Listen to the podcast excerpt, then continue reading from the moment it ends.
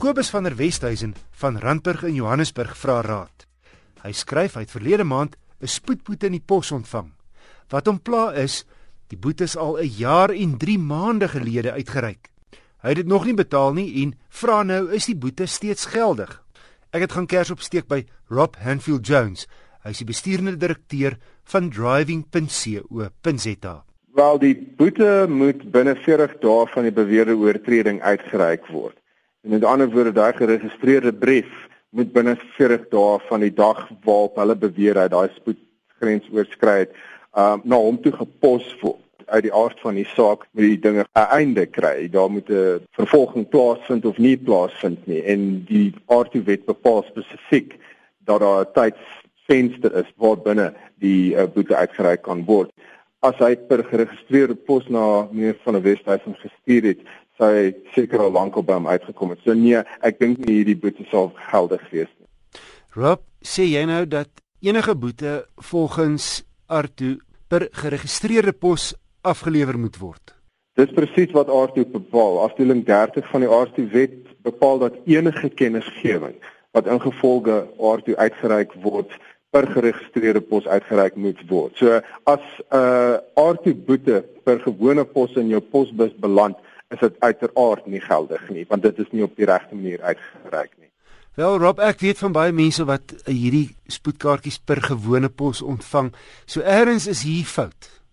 Ja, ehm um, en die fout is baie eenvoudig dat boetes en veral spoedboetes deesdae 'n geldmaak storie is. En die oomblik wat die owerhede geregistreerde pos moet gebruik soos wat die wet bepaal, moet hulle daarvoor betaal. En, en dit het natuurlik 'n impak op hulle winste wat hulle uitmaak, maar die ironie van die saak is as hulle die boetes op die regte manier uitgereik het, sou die betalingskoers waarskynlik baie hoër gewees het en sou hulle waarskynlik meer geld uit dit uitgemaak het as wat hulle tans doen. Iets soos minder as 10% betaal op hierdie stadium in Johannesburg of dan in Gauteng hulle boetes. Ja, hulle betaal nie die boetes nie want in baie van die gevalle is die boetes nie op die regte manier uitgereik nie. En in ander gevalle is daar net nie die mannekrag of die wil lyk like dit my om die mense wat nie hulle boetes betaal nie te vervolg. Want op die ou einde moet ons almal aanvaar ons is onderworpe aan die wet. En as jy 'n motor bestuur moet jy daai wette gehoorsaam as jy dit nie gehoorsaam nie dan moet jy gestraf word Maar dit is ook 'n tweerigting straat. Uh, as mense in die uh, owerhede wil hê dat die gewone jong en van allerman die wette moet gehoorsaam, dan moet hulle ook daai selfde wette gehoorsaam wanneer hulle die wetstoepassingsproses volg. En dit is lyk like my op hierdie punt wat nie plaasvind nie.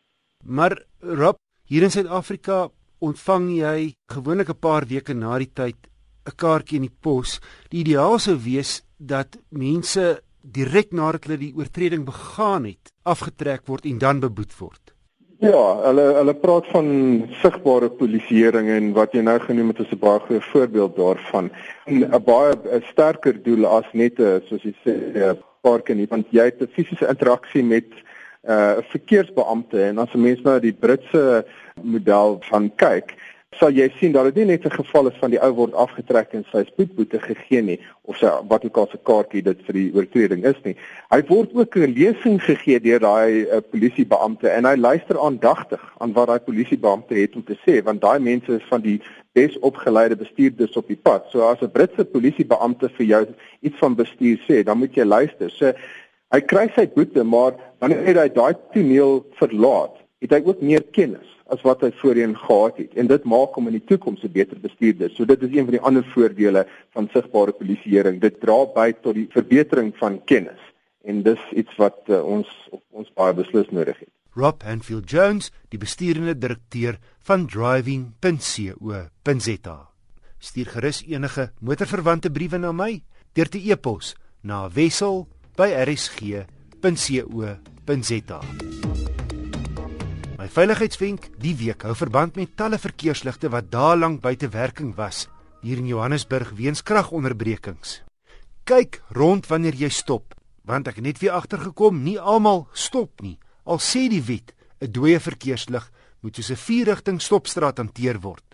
En gaan kyk 'n bietjie op YouTube na daai grie-ongeluk eergister in Pinetown waarin 22 mense dood is. Dis duidelik die bestuurder van die kar en twee taksies het nie na regs gekyk toe die lig vir hulle groen slaan nie. Het eenvoudig weggetrek en 'n sekonde later ploeg die vragmotor teen 'n hengse spoed reg deur hulle.